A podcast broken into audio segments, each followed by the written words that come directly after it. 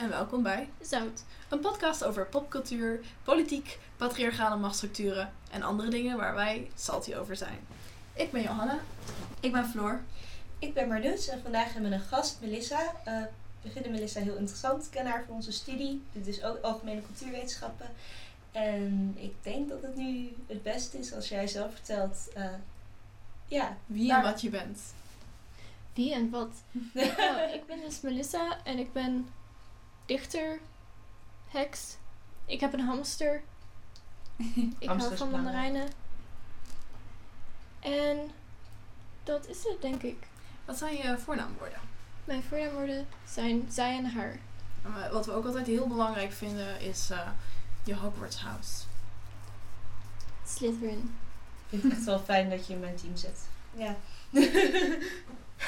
Slytherin is wel represented. We, Ja, hebben, we hebben tot nu toe, ja, Ravenclaws en Slytherins eigenlijk. Ja. Zijn jullie rijven? Ja, wij Ja. zijn. En Lonneke ook. We zijn alle drie Ravenclaw. En Ja. Lois is onze lone Slytherin. Altijd blij als er gasten zijn die zeg maar mij delen. Bij delen. ja, dat was niet een hele goede zin, maar je snapt wat ik Ja, ze is bedoel. onze, onze token Slytherin en ook onze token straight girl. We hebben nog geen straight gasten gehad. Dus daarin blijft de eenzaamheid. Oh wel. Oké, dan beginnen we zoals altijd met ons eerste segment, Smakeloos, waarin wij vertellen over onze botsingen met het patriarchaat. Eh, ja, ik wilde een verhaal vertellen over toen ik laatst uitging. Ehm, als ik uitga, dan ben ik over het algemeen aan het dansen. Dat vind ik fijn. Eh, ik ben daarin tamelijk schaamteloos. Ik neem dan veel ruimte in. Ik geef niet echt om wat andere mensen vinden. En nou ja, ik doe gewoon mijn ding. Want fuck wereld. Maar ehm, anyways, ik was dus vrolijk aan het dansen. Niets aan de hand. En toen kwam er een man op me af. Geen idee hoe oud deze man was. Ook niet van belang van het verhaal. Ehm, en hij zei tegen mij: Ja, jij danst wel intimiderend. Waarop mijn reactie was: eh, Sorry, wat?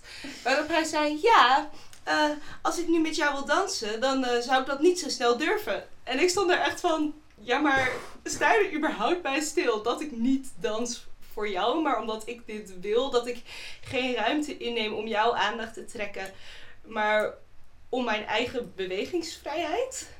En ja, dat was denk ik wat ik even van mijn hart wilde. Want ik was hier echt best wel salty over. Ja, het legt ook echt heel erg bloot dat mannen een beetje de neiging hebben om geïntimideerd te zijn als vrouwen ergens beter in zijn. En inderdaad als vrouwen zelfverzekerd genoeg zijn om ruimte in te nemen. Dat dat op de een of andere manier heel bedreigend is voor hun masculiniteit. ik ben super bedreigend. Ik ken het Ah, je bent wel, ik moet zeggen, je bent wel heel goed in dansen. Dus dat, ik snap wel dat al een beetje... Ik ben ook wel een beetje geïntimideerd als dansen. Nee, ik vind echt genieten altijd. het Nou. Nee, maar dat is ook echt wel een opvallend ding. Op het moment dat vrouwen dat zien, zijn ze over het algemeen wel enthousiast. En van mannen krijg ik dingen als, nou je bent danst wel intimiderend. Waarom moet je altijd iedereen naar het stage? Waarom wil je zo graag aandacht? Van, nee stop. Niet. Smakeloos. Heel Mhm. smakeloos. Dat komt me ook wel bekend voor. Ehm, ik heb ook nog een eh, verhaaltje dat perfect in dit segment past. Ik ehm, zit wel eens op Tinder. Oh, moet je nooit doen. niet, eh, niet heel actief.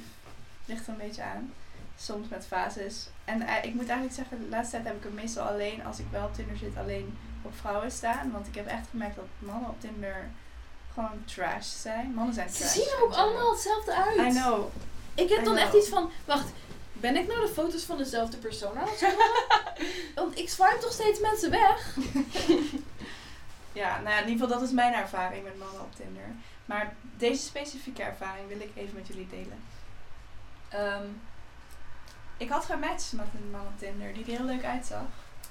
En ik weet niet meer wat er op zijn profiel stond. Maar, I don't know, ik had zoiets van, ja, I like this person. Op eerste, eh, op de eerste blik.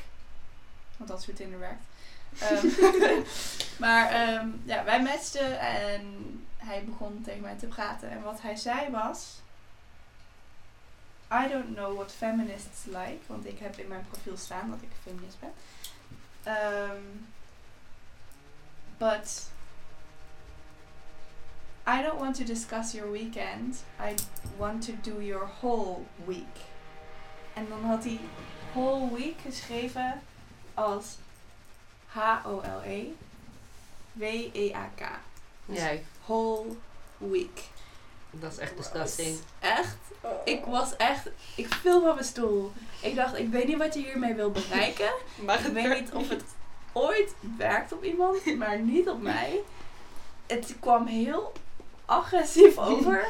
En ik dacht echt, nou, wat is dit nou weer? Dus ik reageer daar natuurlijk niet Nee. op. Want waarom zou ik? En dan stuurt hij een dag later... ehm, didn't I break the ice? Waarop ik antwoordde... No, you didn't break the ice. You broke puns. Waar ik persoonlijk heel trots op was op dat antwoord. Zeker, zeker. Maar, ehm R.I.P. puns. You had a good run, but... Ja. Not anymore. Dus dat was voor mij smakeloos. Belachelijk. Vraag je, waarom denken mannen dat het sexy is om te beschrijven hoeveel pijn ze je gaan doen? Dat merk ik wel vaker, dat, dat zeg maar openingszinnen een beetje die strekking hebben van oeh, ik ga je helemaal kapot eh, neuken. En, maar. Zo, en ik bedoel niks tegen mensen die into BDSM zijn, helemaal fijn, maar I don't know, misschien niet echt een goede binnenkomer. Misschien is dat gewoon een manier om te filteren. Zo van, oké, als deze persoon dit aan kan, dan... ik weet dit. Ja. Ja. Maar ik eh vond Als dat het zo is, dan- smakeloos. Was het dan nooit iets geworden tussen jullie. Maar goed, hopelijk heeft hij zijn match gevonden. En hopelijk is het allemaal consensual. Ja. Oké, dat was mijn smakeloos. Nou, eh, ja, Melissa vertelde jullie al dat ze zich identificeert als heks. We zitten momenteel in Melissa's kamer en dat is ook te merken. Het ruikt hier heerlijk naar wierook. Eh, er staan een aantal, ja, een heleboel kaarsen eigenlijk. Ehm, er ligt ergens een bosje half gebrande salie er staan bakjes met stenen en een keteltje met eh, mysterieuze kruiden erin. Er hangt ook een poster, eh, een, gids, een handleesgids gids aan de muur. En er liggen hier, denk ik, vijf of zes verschillende stapeltjes tarotkaarten. Ehm, dus vertel eens, wat, wat betekent dat voor jou, dat heks zijn? Het heeft vooral te maken met mij. ehm, het gaat vooral om zelfreflectie en een bepaalde mate van betekenis geven aan dingen in mijn leven, zodat het draaglijker wordt om te leven met een zinloos bestaan. dus, dus tarot is vooral zelfreflectie. Heel veel eh, rituelen die ik zie als magisch zijn vooral eh self-care. Ehm, heel veel te doen met geuren zoals lavendel of olie die goed Mhm. voor je is. Cool. Ja. Mhm. Hoe ben, je, hoe ben je er eigenlijk een beetje mee begonnen? In aanraking mee gekomen? Ik heb het denk ik al sinds best jong al heel erg interessant gevonden. En ehm, mijn vader heeft ook wel een soort van zoekende fases gehad. Hij heeft ook Tai Chi gedaan. Dus daar ben ik ook wel als, als soort van jong kind ging ik dan mee terwijl hij dat ging doen. Ja, mijn moeder deed dat ook met Ja. zo'n videoband, 's ochtends. Van zo'n eh, zo'n vrouwtje in een Chinese tuin. Mijn vader doet het nu nog soms in de kamer. En dan staat hij daar met de beweging die dan trekt de aap aan zijn staart of zo is. Ja, ik was mijn moeder altijd Loki aan het uitlachen, maar vond het ook wel... eh, het ook. Of nou ja, interessant. oefeningen. Dat is vast wel heel goed voor je lichaam. En hoe, hoe ben je ehm, ja, begonnen om dat zeg maar echt... eh, om daar zelf echt dingen mee te doen? Zoals, eh, want je doet ook rituelen, zei je? Ja, maar wel voornamelijk kleine rit- rituelen. Dus geen ceremoniële magie. Ik ehm aanbid ook geen, geen entiteiten, geen goden, geen godinnen. Dat is niet echt iets voor Dus mij. het is geen religie. Het is geen religie. Het is echt alleen maar ehm, iets voor mezelf, iets heel individueels. Mhm. Kun je ons iets vertellen over die rituelen die je dan wel doet? Of is dat eh, private? Oh nee, niet zozeer. Ehm, ik doe vooral veel kaarsenmagie. Dat is eigenlijk voor mij de meest simpele vorm om uit te leggen aan andere mensen. Als je een nieuwe kaars hebt, dan. ehm, ja, het, het hangt ook een beetje samen met kleurenmagie. Weet je wel, de betekenissen die samenhangen met Mhm. kleuren.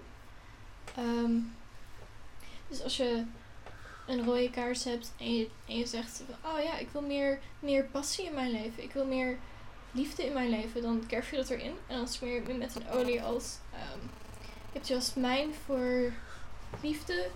En muskusgeuren voor, voor meer een soort van een seksuele doelstelling, zeg maar. Mhm.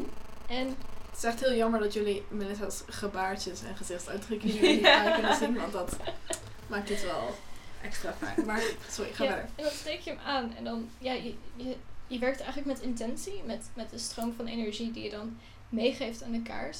En dan de intentie werkt dus zolang hij zeg maar opbrandt. En zodra hij opbrandt, komt dus de, energie, de intentie, dus de magie of de energie die je er aan geeft, komt dan vrij. Waardoor je een soort van jezelf omringt met meer liefde of meer eh, creatieve energie of meer kracht of meer asserti- assertiviteit of meer Cool. alles. Ja, dat is super Maar je interessant. smeert, de, je smeert de kaars in Ja, met die olie? Zijkant, Oké. ja. Ja. Ik kwam erachter dat hij een beetje een soort van vlamgevaar was als je er lont in smeerde. Dus. ja, dat klinkt logisch inderdaad. Maar als je zeg maar je zegt van Jasmijn is dan liefde, eh, baseer je Ja. dat ergens op? Heb je daar zeg maar, is dat een, een eh, eh, handboek of ja, zo? is er een handboek voor of, of hoe? eh, Ja, ik heb het zelf uit een aantal kleine boekjes die ik heb gelezen. Ehm, en ik ga ook eigenlijk best wel gericht op intuïtie. Dan ga ik zeg maar overal aan ruiken. Mhm. En als ik dan ergens een soort van... denk van zo, oh ja, deze is goed voor dit keer. En dan doe ik meer die. Ja. Ehm, maar ik weet niet, je kunt ze waarschijnlijk ook gewoon super makkelijk op internet vinden. ja, ja. Dus daar, ja. Maar het is ook wel een beetje vrij dus eigenlijk. ja, voor mij is alles heel vrij. Mm, Ja. Ja, het klinkt ook alsof het best wel persoonlijk is. Uh, Mhm. en, en dat vind ik ook wel mooi dat je er een beetje je eigen ding van maakt en er niet echt een, een handleiding in volgt. Ehm, ja, ik vond het net wel, wel interessant wat je zei over eh, intuïtie een beetje versus rationaliteit. Mhm. En dat, ja, dat hangt denk ik ook wel samen met een beetje ja, de feministische gedachte hierachter. Kan je daar iets over zeggen? Ja, ik vind vooral dat eh Hex is ook een beetje het eh, gekke oude kruidenvrouwtje aan het eind van het dorpje. Mhm. En dat is eigenlijk wel, om een beetje dus die term te gebruiken, is ook wel weer te zeggen zo van ja, maar intuïtie is ook een volleerd iets. Het is eigenlijk net zo goed als de ratio, dat zeg maar heel veel Mhm. ehm, mannen en Ja. de wetenschap. Maar de wetenschap is even goed een vorm van geloven omdat je moet eerst ergens in geloven voordat je het wil bewijzen. En dan kun je het dus Mhm. bewijzen. Maar je bent dan op zoek naar een bepaald soort uitkomst. En naar gelang wat je hypothese is, kun je Mhm. verschillende dingen bewijzen met dezelfde gegevens. Mhm. Ja. Ja, ik denk dat, dat hekserij misschien ook wel een beetje een soort van verzet is tegen die drang om alles te willen bewijzen. Absoluut, ja. En waarom is het gewoon niet goed genoeg? Dat, het voelt gewoon goed. Waarom is dat dan niet, niet goed genoeg? Waarom is dat niet prima? Gewoon vooral als dingen zo persoonlijk zijn. Als ook self-care en zo. Ja. Ja, heks is natuurlijk sowieso een term die gewoon, ja, er zit super, super veel lading achter. Ja, Ja. absoluut. Mean, Het wordt vaak geplakt op deviant gedrag, afwijkend gedrag. Mensen die niet helemaal binnen de ja, norm of, vrouw, of gewoon überhaupt vrouwen die, die vrijgevochten zijn. Of vrouwen Mhm. die... Nou ja, eh, vrijgevochten vrouwen vallen in feite buiten passieve Ja, ook. norm. Ja. Ja, inderdaad, een, een vrouw is iets wat afwijkt van de heteronormatieve patriarchale eh, norm. Ja, ik weet daar eigenlijk, ik bedoel, eh, er is heel veel geschiedenis daarin. Mhm. Vrouwen die als heks bestempeld werden, maar ik weet eigenlijk niet genoeg. Weet jij daar wat van af? Ik weet er niet eh, veel van, maar Johanna zei net ook al dat het samenhing met homoseksualiteit, met lesbische vrouwen die dan ook heks genoemd werden of waren. Ja, ik weet niet of dat echt in de heksenvervolging een ding was, maar in popcultuur is er, in populaire cultuur is een lange traditie om, eh, om, om hekserij te linken aan, aan homoseksualiteit. Bijvoorbeeld, eh, een bekend voorbeeld is, eh, zijn Willow en Tara uit Buffy, dat zijn dan Buffy the Vampire Slayer. Dat is, een van de eerste lesbische relaties op, eh, um, op de ja, daytime television, geloof ik. Eh, of prime, primetime television. Een van twee. Eh, volgens mij is het ook een van de eerste lesbische kussen die dan tussen hun. Sorry, nou, in ieder geval was best wel een baanbrekend narratief. En zij waren dan allebei heksen. En hun magie werd ook steeds als een beetje als metafoor gebruikt voor dan hun seksualiteit. En eh, ook in The Craft. The Craft is ook zo'n ja, be- bekende cultfilm over heksen. Ehm, en dat zijn volgens mij, voor zover ik me kan herinneren, alle drie heteroseksuele vrouwen. Maar er zit wel heel veel homoerotische Het zijn vier vrouwen. Vier, ja. Eh, er zit wel veel homoerotische ehm lading achter, denk ik. En, en je kan er veel queerness in lezen. En ook bijvoorbeeld eh, Sisterhood of Night, die film die wij een tijdje terug hebben gekeken. Daar zit, zit dat ook heel erg in. Dus, eh, en, en ook gewoon het idee van vrouwen onder elkaar. Vrouwen, wel- zo van, ik denk dat er een Ja. anxiety is over wat vrouwen doen als mannen er niet bij zijn. Oh, natuurlijk het idee van, van een heksenkring. Dat je Ja. zo van een kring hebt van vrouwen en mannen mogen er niet in en die weten niet wat er gebeurt. Dus dat zal Dus vast wel hekserij iets, zijn. Ja, dan moet het wel iets duisters zijn. Dan moet het wel iets met de duivel te maken hebben. Daarom noemen wij ons ook een coven, toch? Ja, Ja. zeker. Wij noemen ons een coven. Ja, en volgens mij hebben we daar vorige week ook wel eens over gehad. Maar dat, ja, inderdaad, de, ar- de, de link naar sectes. En inderdaad, Ja. Hekserij. Ding, enge dingen. Ja, en, en hekserij is ook altijd heel erg gekoppeld aan seksualiteit. En de vrouwelijke seksualiteit dan weer aan de duivel. Want een heks is Ja. eigenlijk iemand die een seksuele relatie heeft met de duivel. En haar ziel verkoopt. Ja, En ook vooral seks. ja en dus ook het Dat idee van, van een vrouw die, eh, die, die zeg maar zelf in controle is over haar eigen seksualiteit. En dat zelf in eigen handen neemt. ehm, is daar heel erg aan gelinkt, denk ik. Ik heb ook eigenlijk zelf heel erg veel interesse in het soort van... Het ja, nou, opzoeken of het beginnen van een soort van heksenkring idee. Dat je gewoon een soort van allemaal vrouwen hebt. I volunteer. Ja, same. die echt zo, weet je wel, interesse hebben in hele soort van eh, niet zozeer ehm, conventionele dingen, dus dingen buiten de norm en die een beetje soort van rare dingen. Dus dat hoeft dan niet per se zelfs hekserij of magie te zijn of zo. Maar gewoon dat je dan gewoon gaat zitten en gewoon gaat praten over dingen. Dus eigenlijk inderdaad zoals jullie zijn. Dat vind ik echt zo leuk. Nou, Ja. klinkt Ja. ja. ja. Wat daar voor mij ook heel veel komt- bij komt kijken is inderdaad waar jij het al over had. Self-care. Mhm. En ook care voor elkaar. Mhm. Emotional labor. Ehm, ja, en inderdaad samenzweren. Daar hebben we het vorige aflevering ook al over gehad. Maar jullie zijn in zekere zin daadwerkelijk aan het samenzweren tegen het patriarchaat. Ja, ja, zo. Absoluut, Yes. dat is ons doel. ja. Ja. En daar eh, ben jij nu onderdeel van. Dus Mhm. eh, welcome Oh, to our zo coven. Zo fijn. Ja. Is er misschien, ik weet niet of dit, of dit er ook mee te maken heeft, maar je, hoe je je presenteert eh, qua de kleuren die je draagt. En heeft dat ook te- hiermee te maken met heks zijn of is dat niet? Staat dat los van Eh, elkaar? ik denk in eh, zekere zin dat iedereen die dus een beetje ehm gothic is, in zekere zin ook interesse in wat duistere dingen. En dan ben je al een buitenbeentje. Dus de stap naar hekserij is dan niet per se heel groot of zo. En ook heel veel occulte eh, symbolen komen ook al voor in de beelden die bands gebruiken waar ik naar heb geluisterd. Ja. Ook al is dat Mhm. zo, zo basaal als dan de pentagram. Mhm. Maar. Ehm, ik, ze zeggen ook heel veel, heel erg veel spirituele mensen vinden het dan weer absoluut heel slecht dat iemand alleen maar zwart draagt. Want dat is natuurlijk niet een hele positieve kleur. Maar ik, ik weet dus niet zo goed wat ik daarvan moet vinden. Voor mij staat eigenlijk zwart ook voor bescherming. Dat is de klassieke kleur voor bescherming, net als wit ook. Sorry, ik was afgeleid door de hamster. Ja, ik, Ja, je had het net al over dat je niet eh, strikt alleen maar witte magie eh ja. oefent. En dat vond ik ook wel, ik denk dat het, het, eh, het, het hele, eh, de dichotomie tussen wit en zwart, zeg maar de tegenstelling tussen wit en zwart met eh, wit staand voor alles wat goed is en zwart voor alles wat slecht is. Ik denk dat dat ook wel een beetje zijn wortels heeft in eh, kolonialisme.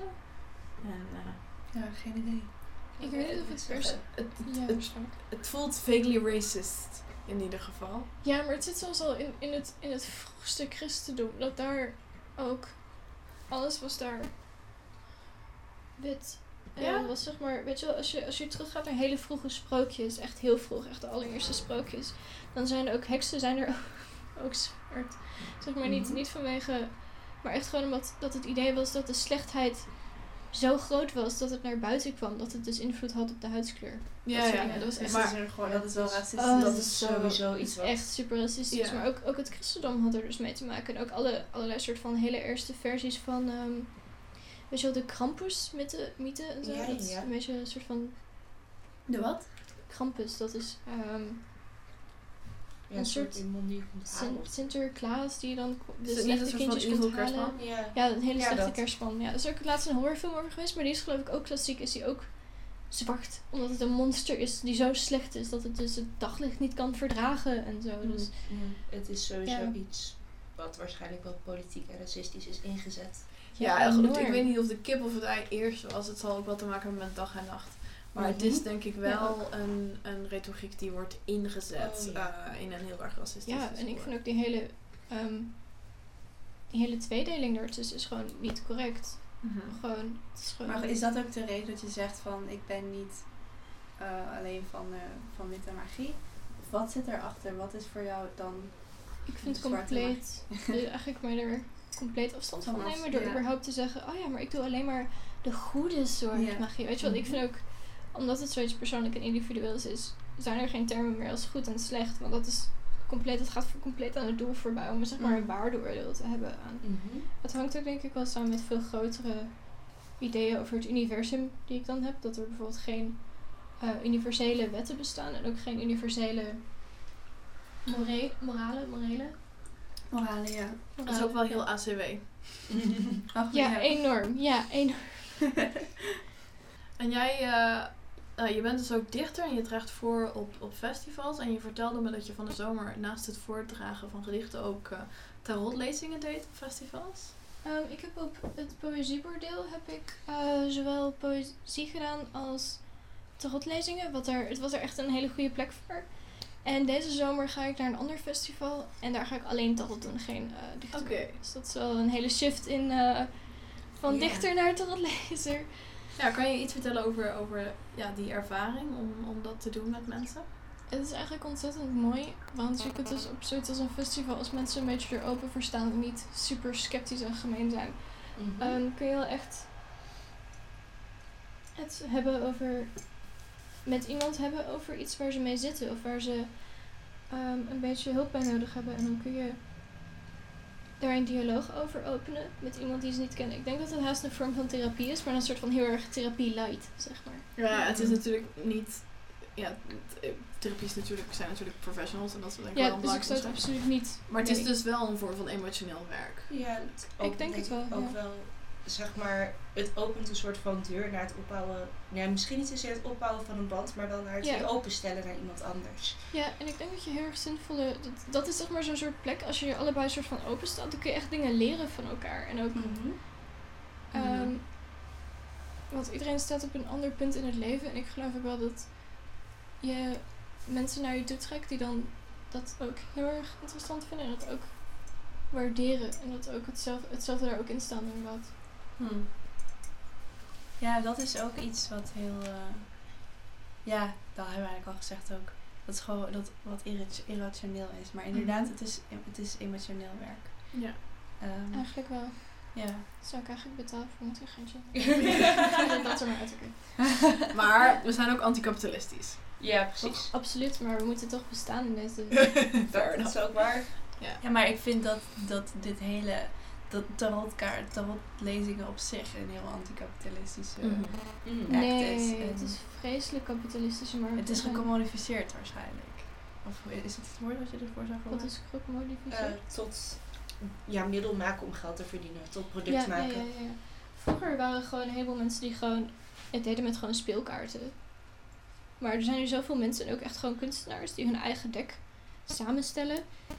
En ja, het is eigenlijk best wel duur spul of zo. Het is allemaal.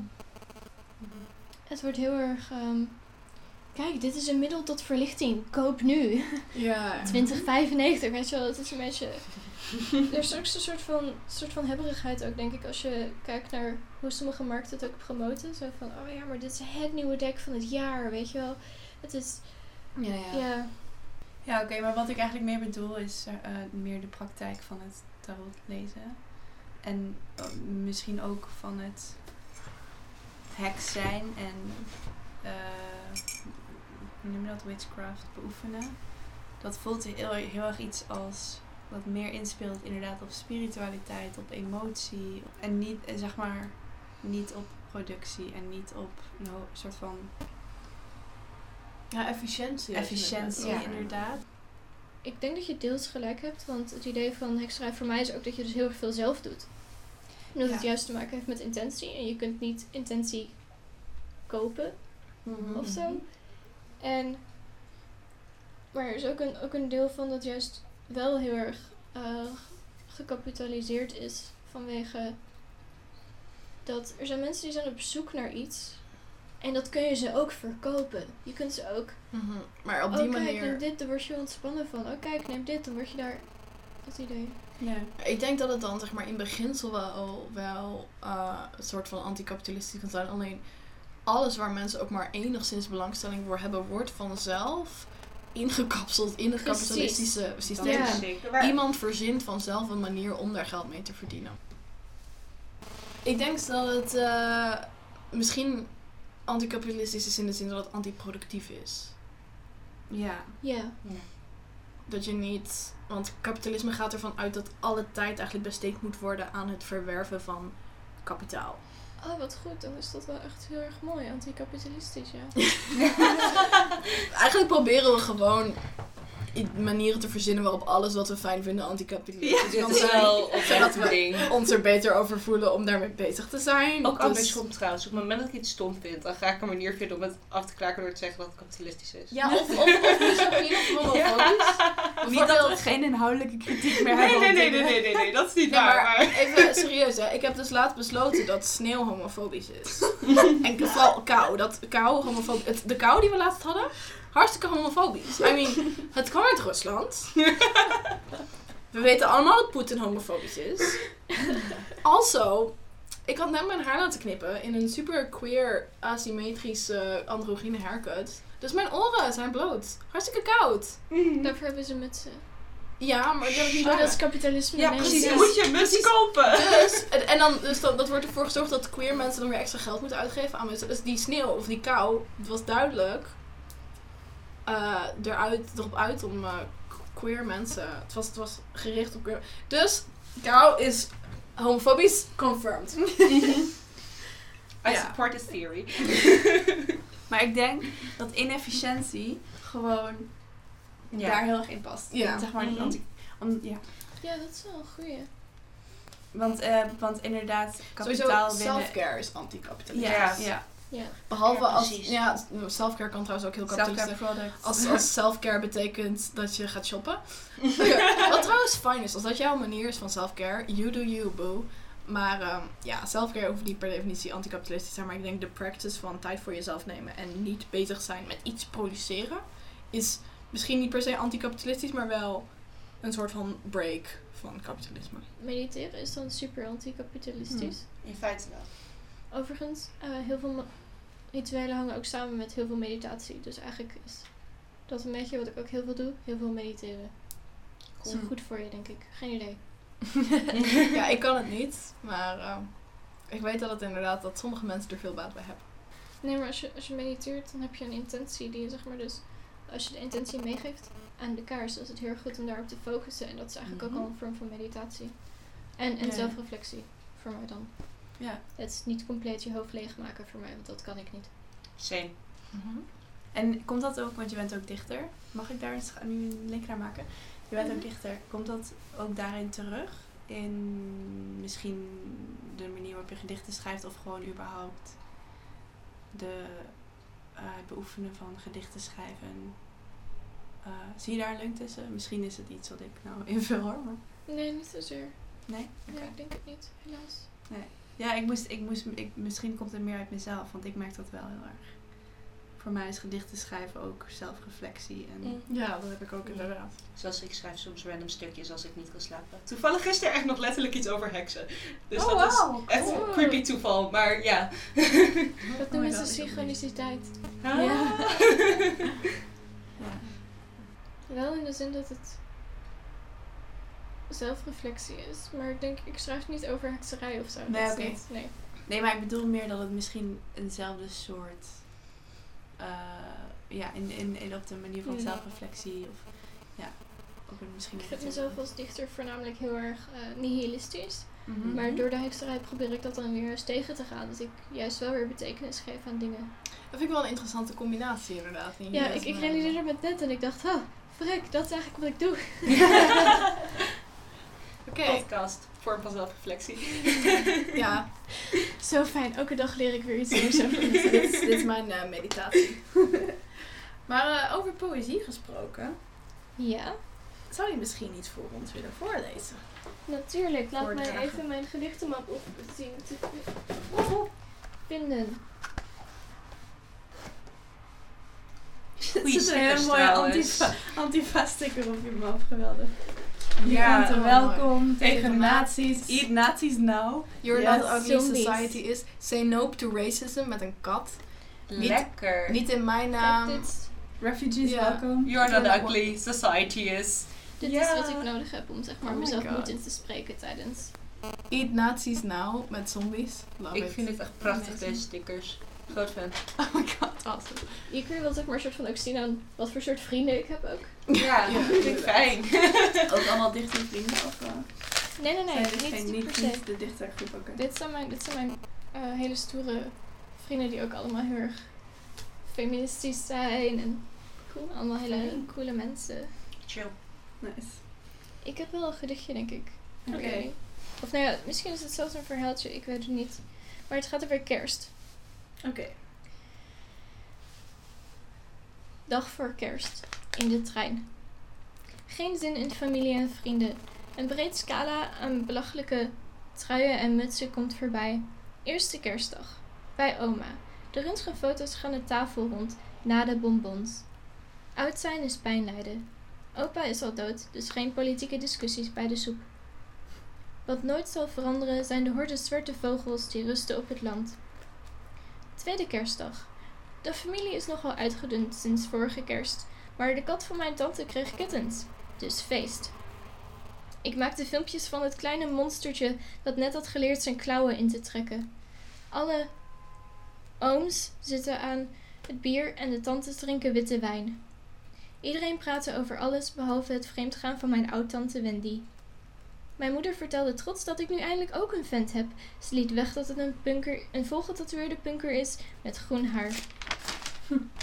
Op oudejaarsavond verstopte ik me onder de tafel met de kat, liggend op de koude wi- witte vloertegels. Op tv zijn slechte praatprogramma's en mijn ouders spelen Scrabble. De minuten tellen af en ik vertel de kat waar ik spijt van heb. Dan vuurwerk. We proosten met sap, we willen eigenlijk naar bed. Ik steek een spetterkaarsje af, teken een pentagram in de lucht, zuiver mij van al wat goede voornemens zijn. Ik, en ik zeg de kat goedenacht. Nice. Mooi. Ja, is mooi. Hé, verrek, er gaat wel een klein beetje over. Ja, inderdaad. Ja. Ja, dat is ook wel een beetje, klinkt ook wel een beetje als een ritueel. Dat was het ook. Eigenlijk alles van het, van het praten tegen de kat tot het uh, in de lucht. Ja. Ik wil even wel zeggen dat alles daarin fictief is. Oké, Alle gebeurtenissen alle overeenkomsten met... met bestaande gebeurtenissen en personen berusten volledig op toeval. Ja, dat. Dank u wel. Oké. Maar in het gedicht heb je het ook over.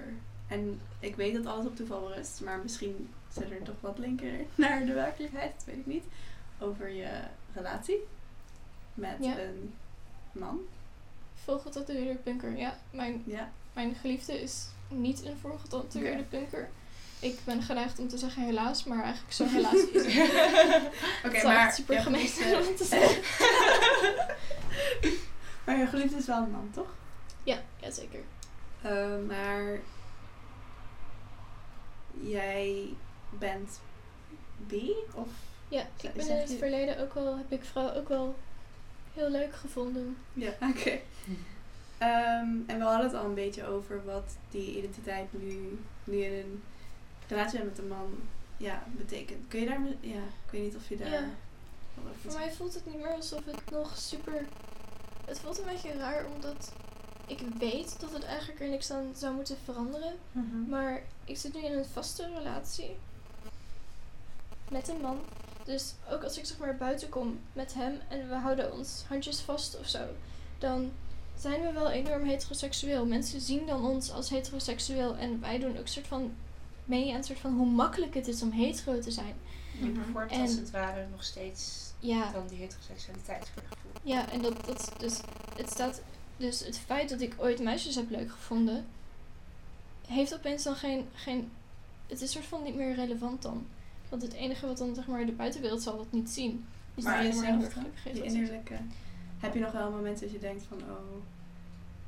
Ik vind heel veel vrouwen natuurlijk nog steeds absoluut prachtig. Ja, dus Maar, het is nog wel ja. onderdeel van jezelf, neem ik aan. Het heeft natuurlijk niet. ehm, maar binnen, binnen een relatie is sowieso. Wat is dan een relatie? Ehm, maar mijn, mijn band met hem is wel echt wel. We, weten, we, we denken heel erg veel na over die dingen. Ja. En ehm, mocht er ooit eens gebeuren dat er andere dingen gebeuren, bijvoorbeeld een verliefdheid of zo, dan hebben we het daar gewoon over. Ja. Dus mocht het dan op een vrouw zijn, dan opeens heeft de biseksualiteit dan weer, zeg maar, wel weer een soort intrede daarin. Ja. Maar momenteel is het totaal. Het heeft niet echt ruimte in mijn leven momenteel. Ja, ja. Maar heb je het gevoel dat je ophoudt met bi te zijn op het moment dat je een relatie hebt met een man? Of is dat Soms meer, wel een beetje, ja. of is dat meer hoe de buitenwereld je ziet? Want ik kan me voorstellen dat het voor jou... Want je zei, je zei eh, laatst tegen me een beetje grappend zo van... "Ah, ik, ben, ik voel me wel heel erg hetero nu. Maar je zei het alsof je het eigenlijk een beetje jammer vond. Ja, het is wel een beetje. Het is niet alsof je iets opgeeft, want daar geloof ik zeker niet in, want het zijn allemaal heel erg bewuste keuzes. En het is niet alsof ik er eerst heel veel mee deed. Ehm, En wat Nee. ik zeg maar, het, ik herken me wel een beetje in wat je zegt. Ik denk dat dit eh, voor mensen, veel mensen die bi zijn ook wel, zeg maar, een soort van bekend klinkt. Als je op het moment dat je in een heteroseksuele relatie zit, of in een relatie met Ja, want dat iemand is dan van een. eh, nog steeds geen heteroseksuele nee, relatie inderdaad. natuurlijk. eh, als je zeg maar in een relatie zit die er heteroseksueel uitziet, dan zou ik zo zeggen. ja, Dan ehm, heb je tenminste, dan heb je bijna het gevoel niet, dat je niet meer recht hebt op je queer identiteit. Ja, dat je Misschien- ja, dat heb ik wel zeker. Ja. ja. En ook iedereen zegt toch al, het is een fase. Dus waarom zou je dat dan soort van Ja, benadrukken door dan weer te zeggen: Oh ja, ik ben wel bi, maar nu wel hetero. Zeg maar, dat is Mhm. toch wel, ja. Dat gaat iedereen toch wel denken. Dus, Ja. ja. Maar ben je bang dat als je, als je nog wel je blijft identificeren als biseksualiteit, dat mensen dan denken dat dat betekent dat je niet trouw bent aan je vriend? Ja, ook wel een beetje, want biseksuele mensen worden toch wel een beetje neergezet als eh, Ja. eh, mensen die vrij, eh, vrij zijn met hun Ja, seksuele avances, zeg maar. Ja, en, en ja. Dat, ja. nou, ik denk dat biseksuele. Ja, ik kan eigenlijk vanuit mezelf alleen spreken, dus ik zeg nu biseksuele vrouwen. Ik ken eigenlijk ook heel weinig biseksuele mannen. Maar goed, maakt niet uit. Ehm, ik denk dat biseksuele vrouwen heel snel het idee hebben dat ze, niet zo, dat ze geen recht hebben op hun, op hun queerheid. Of, ja, en ik, ehm, bij mij duurde het ook heel lang voordat ik me ook echt queer durfde te noemen. En ik heb het altijd wel gevoeld dat het wel zo is. Alleen omdat je. Ik, ik zeg maar, ik had heel erg het idee dat ik gezien werd als. alsnog wel half hetero, zeg maar. ja. Dus alsnog wel iemand die dat privilege heeft. En eh, natuurlijk is het als jij als hetero presenteert omdat je in een hetero uitziende relatie bent, dan levert dat privileges op omdat je ja, zonder poespas over straat kunt lopen, zeg maar. Mhm. Maar je wordt nog, dus komen nog steeds allemaal andere vormen van zeg maar onderdrukking of erasure bij kijken die, waar je wel last van hebt. Ja, en erasure is ook onderdrukking. Ja, ja, ja. Ehm, ja, dus dat is wel waar ik zelf wel in ieder geval, ja, dan heb ik het echt over mijn eigen ervaring, maar ik lees dat wel ook van, ik zie dat ook van veel biseksuele vrouwen, dat ze het gevoel hebben dat zij niet queer genoeg zijn. Ehm, ja. Ja, hoe ik dat zelf heel, wanneer ik dat zelf echt heel heftig ervaarde, ik heb dat ook altijd wel een beetje zo gevoeld, ook dat ik ja, minder queer was dan mensen die homo of lesbisch waren. En dat ik minder recht had op de ruimte in zeg maar, de LGBTQ community. En ik voelde dat heel sterk eh, vlak na de Pulse shooting in Orlando. eh, een paar jaar geleden. Ehm, omdat ik daarna, ik merkte dat ik daar heel erg van onder de indruk was. Dat ik daardoor heel erg geraakt was en heel erg verdrietig daardoor was. Maar ik had het gevoel dat ik geen recht had op dat verdriet en op de rouw en de angst die daarbij kwam kijken. Ik had het gevoel dat dat eh, niet voor mij was, maar ik voelde dat wel. Ik, ik was wel gewoon, eh, ik zat wel obsessief alle berichtgeving daarover te volgen en te huilen. En eh, dat raakte me heel erg. En ik, ik las ook heel veel berichten van ja, artikelen van andere biseksuele vrouwen die dat eigenlijk hetzelfde voelden. Die dan het gevoel hadden dat ze niet queer genoeg waren om die, die rouw en die pijn te voelen. En dat is eigenlijk wel een belangrijk moment geweest waarop ik me echt realiseerde dat het niet uitmaakt met wie ik een relatie heb. En eh, hoe ik word gezien door de buitenwereld. Maar ja, mijn queer identiteit blijft van mij. En goed, nu op het moment eh pass ik niet als straight. Want ik zie er best wel queer uit. Ik heb kort haar, ik draag blouses.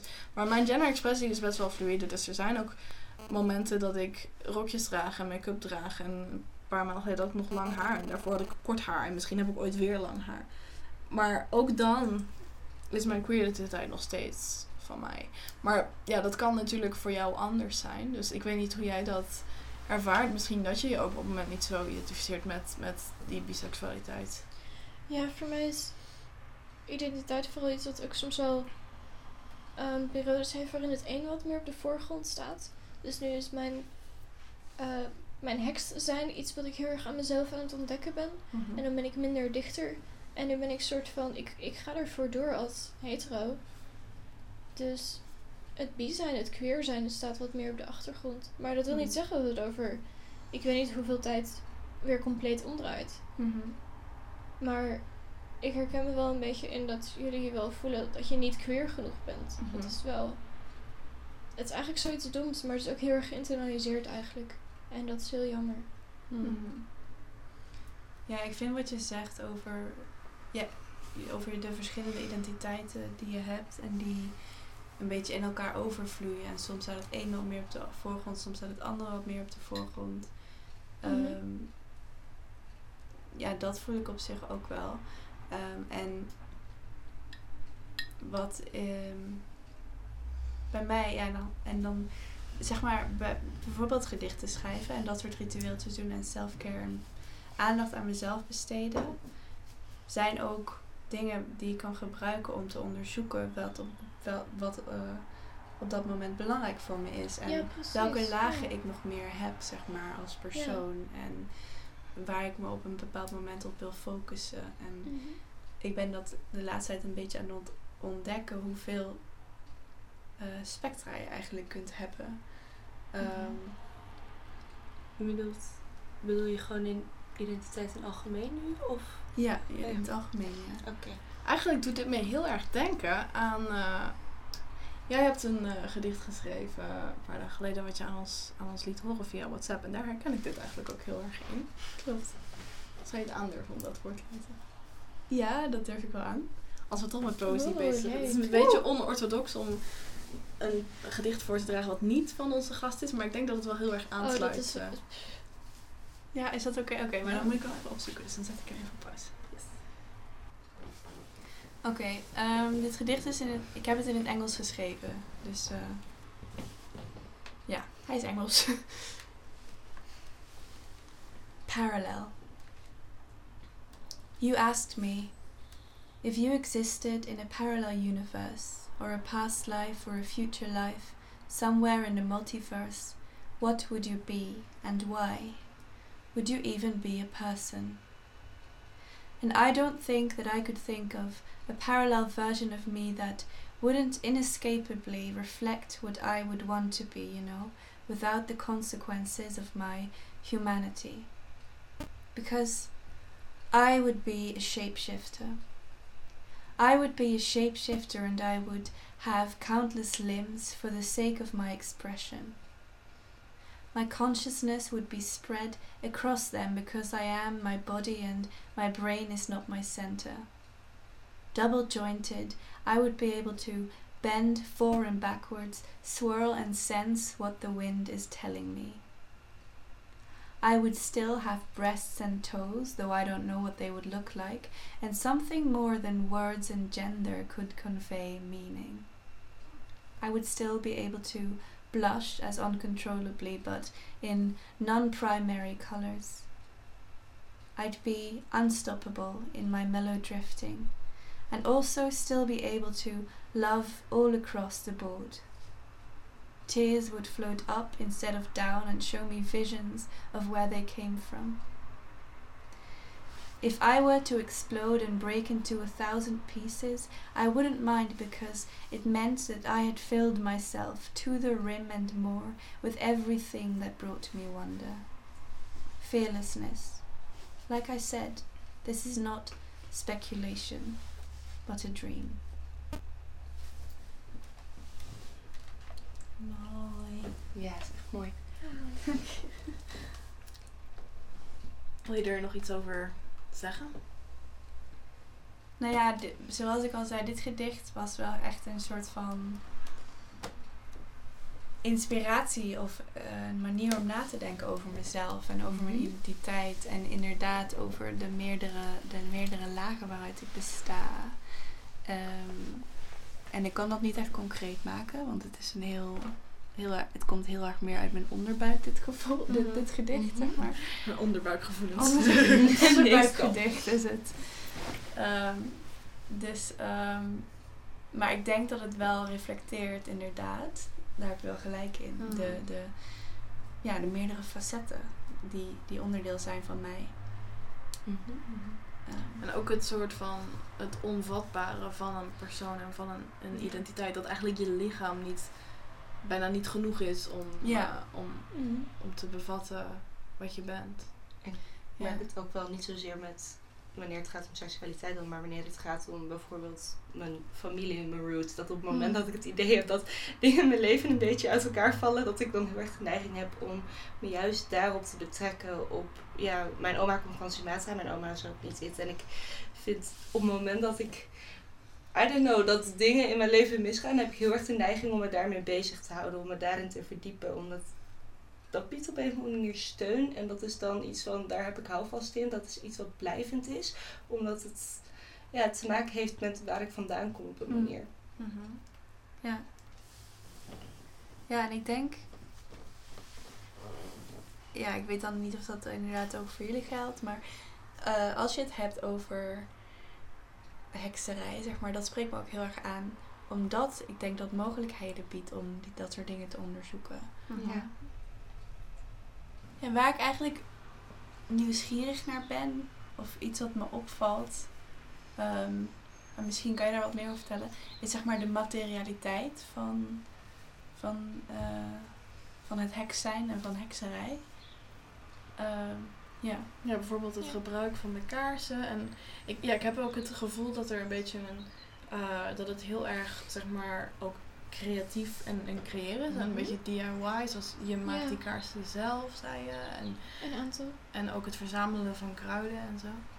Ja, het is ook, zeg maar, het, het kruidenvrouwtje aan de rand van het bos ehm, maakte ook natuurlijk alles zelf. Want er waren niet echt winkels voor. En ik denk ook om juist het, als je jezelf ook buiten een soort kapitalistisch iets zet. En als je zegt, ja, ik ga nu echt voor mezelf zorgen. Dan kun je ook enorm veel intentie zetten in, als je een kaars maakt, dan zet je al, geef je al intentie mee aan die kaars. En dan is het dus een soort van een, het is ook een soort activiteit die je doet voor jezelf in die zin. En je hebt ook eigenlijk, als, als heks zijnde is er ook veel debat over of je wel eigenlijk wel dingen nodig hebt, gebruiksvoorwerpen nodig hebt om heks te zijn.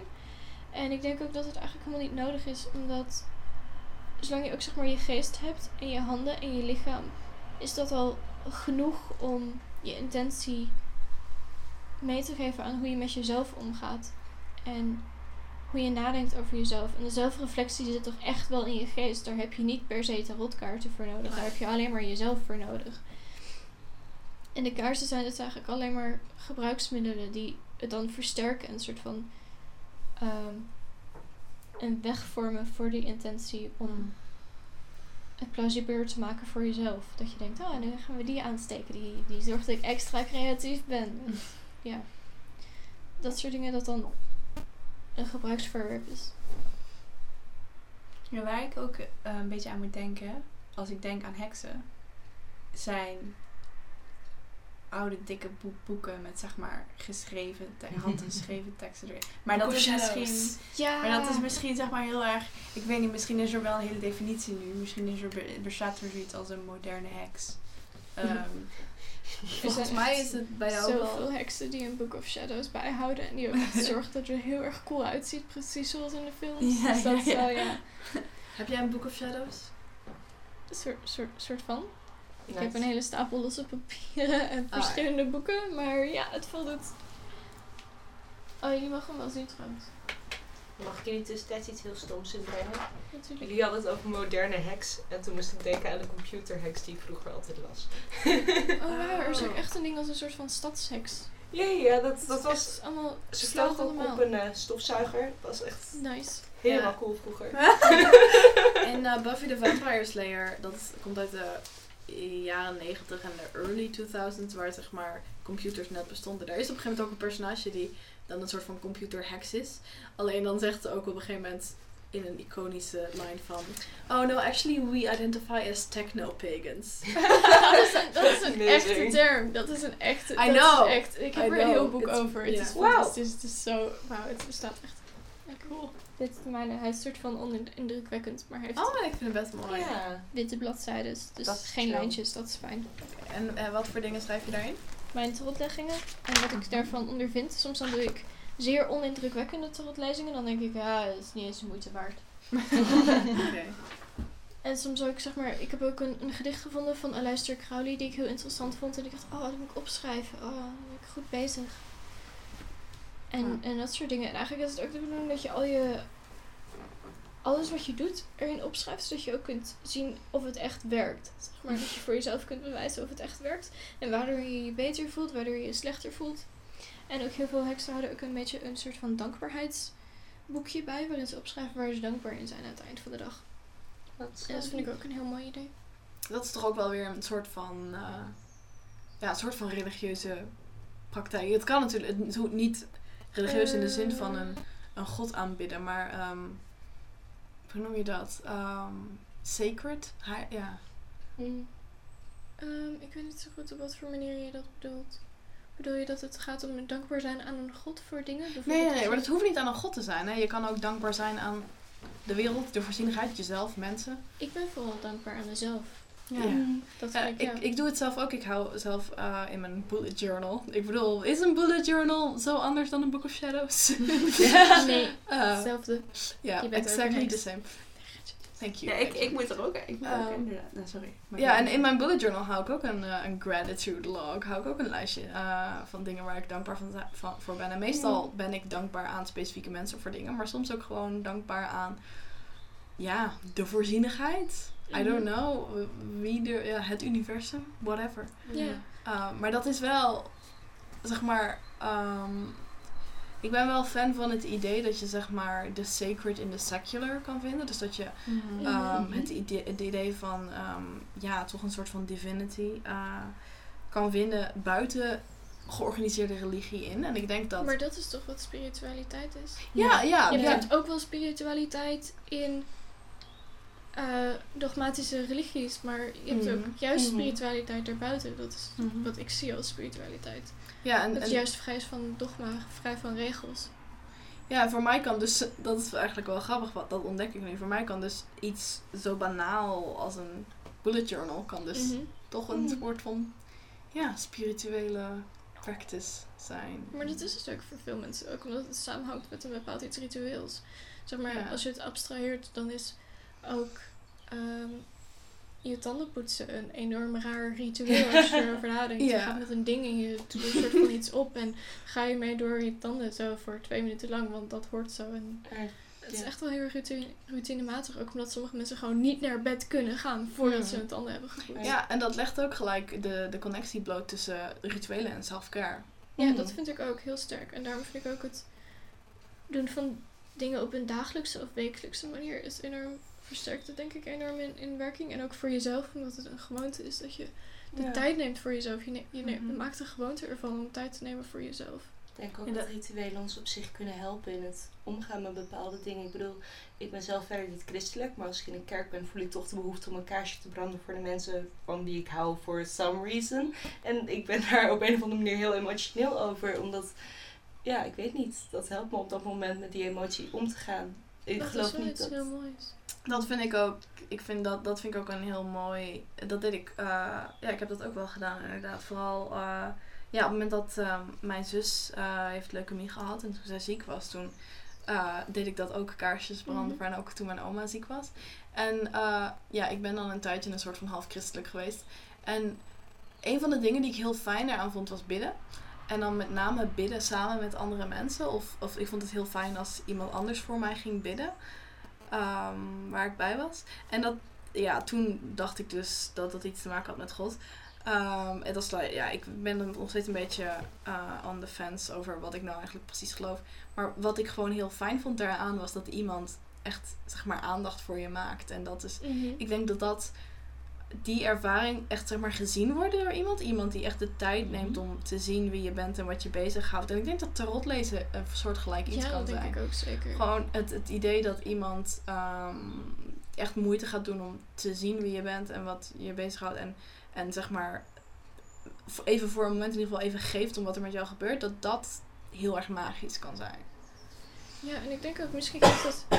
Misschien is daarom dit, dit soort van een manier ook om om te gaan met bepaalde problemen die de maatschappij veroorzaken. Zoals, wauw, kennelijk is er zo weinig aandacht voor elkaar dat mensen dan dit soort dingen Mhm. opzoeken om dan alleen maar tijd en rust en aandacht voor, voor elkaar of voor jezelf te nemen.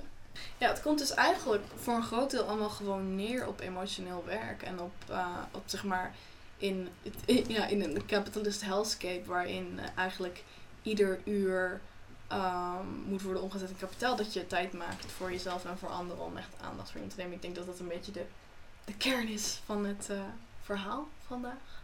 Ja. En, en dan, Ik Oh. weet niet of het de kern is van hekserij als, als algemeen. Maar misschien wel een beetje dat, dat voor mij, voor mij individueel. Ja, en dat is waar deze aflevering over gaat. Dus, eh, Maar dat, ik denk, dat vind ik een mooie boodschap in ieder geval. Eh, ja, ik denk dat dat een goede noot is om een beetje op eh, af te sluiten. Nog even een disclaimer. We hebben het nu steeds over spiritualiteit en hekserij. En we zijn daar erg positief over. Ik wil wel even erkennen dat er in de westerse fascinatie met spiritualiteit ehm, een erg groot risico is op culturele appropriatie. Wat je bijvoorbeeld ziet in eh, ja, witte boeddhisten die dan een soort van watered down versie van boeddhisme um, oefenen die eigenlijk weinig te maken heeft met de manier waarop dat eh, ja, in van oorsprong boeddhistische landen wordt beoefend. En ook bijvoorbeeld eh, het idee van meditatie en yoga, wat gewoon heel vaak erg geëxotiseerd wordt. Dus ehm, ja, we zijn ons ervan bewust dat dit een, eh, een groot risico is en, en dat het erg aanwezig is in eh, occulte gemeenschappen. Mocht je het gevoel hebben dat wij ons daar in deze aflevering schuldig aan maken, dat wij ehm, bezig zijn met Orientalisme, dat we eh, Oosterse culturen aan het mystificeren zijn, of dat we ja, toch eh, in de buurt komen van culturele, culturele toe-eigening, laat het ons vooral weten. We zijn heel bereid om te leren. Eh, ten slotte wil ik het nog hebben over onze favorites. Wat dingen zijn die wij, ja, waar wij totaal achter staan. Die dingen uitdrukken waar wij blij van worden. Eh, ja? Melissa, waar word jij blij van? Wow, drie zulke blije, enthousiaste gezichten. Dit met blije bakkes. Ah. Als hekserige aanbeveling kan ik wel ehm, de werken van Aleister Crowley doen. Eh Aleister Crowley is een occultist. En ik persoonlijk vind zijn werk best wel prima. dus voor mensen die daar meer over willen weten, kunnen ze dat eens opzoeken in de biep of zo. Voor de duidelijkheid, je, had het, je zei wel dat hij wel een tikkeltje aan de seksistische kant was, toch?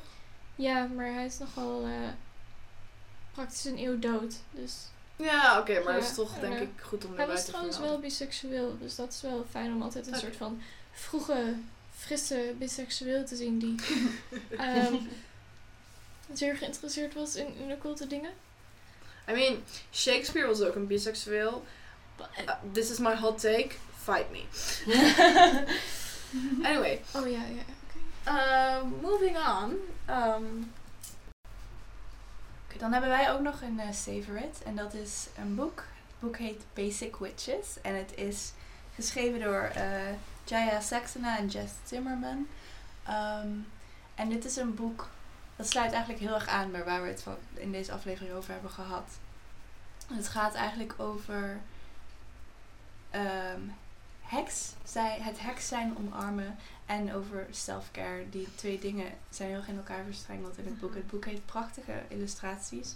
En er staan zeg maar een soort van life hacks in eigenlijk. En tips en mini-ritueeltjes. mini-ritueeltjes inderdaad. Ehm, het is een heel feministisch boek. En ehm, het is een heel mooi boek. En het gaat dus over, ja, over, over heks zijn. Maar niet op, in de spirituele manier van... eh, Ja, het is, het is geen eh, Wicca-gids of zo. Het Nee, is, nee, nee. Het is echt een soort van... eh, ja, hoe noemden ze het nou? Ja, het is basic. Het is, dit is voor de basic witch. ja, instap. Ja. Instapboek. Ja. maar het is een heel mooi boek. Heel mooi, eh, mooie illustraties staan erin. Ja, en als je er een betere indruk van wil krijgen, dan eh, kan je misschien op zoek gaan naar de aflevering van Secret Feminist Agenda met eh Jess Zimmerman en Jaya Saxena. Want eh, dat is de aflevering waardoor wij dat boek ontdekten. En het is ook gewoon een hele goede aflevering. Dus. Volgens mij hebben we het Secret Feminist Agenda nog in elke aflevering genoemd tot nu toe. En dat zegt wat. Gaat gewoon luisteren, mensen. Oké, dus dat was onze, onze favorite. Dat was het voor deze aflevering. In ieder geval heel erg bedankt aan Melissa voor alles wat ze heeft ingebracht. Eh, credits naar Veerle Kremers voor het maken van onze prachtige illustratie. Je kunt haar vinden op donsfeertje.tumblr.com of donsfeertje.deviantart.com. Heb je nog op- of aanmerkingen over deze afleveringen, suggesties of wil je iets bij ons kwijt? Dan kan dat via onze social media. Volg ons dan ook vooral op Twitter, Facebook en Instagram via @zoutpodcast. Heel erg bedankt voor het luisteren. Eh, zorg goed voor jezelf. Denk aan die selfcare. En stay salty.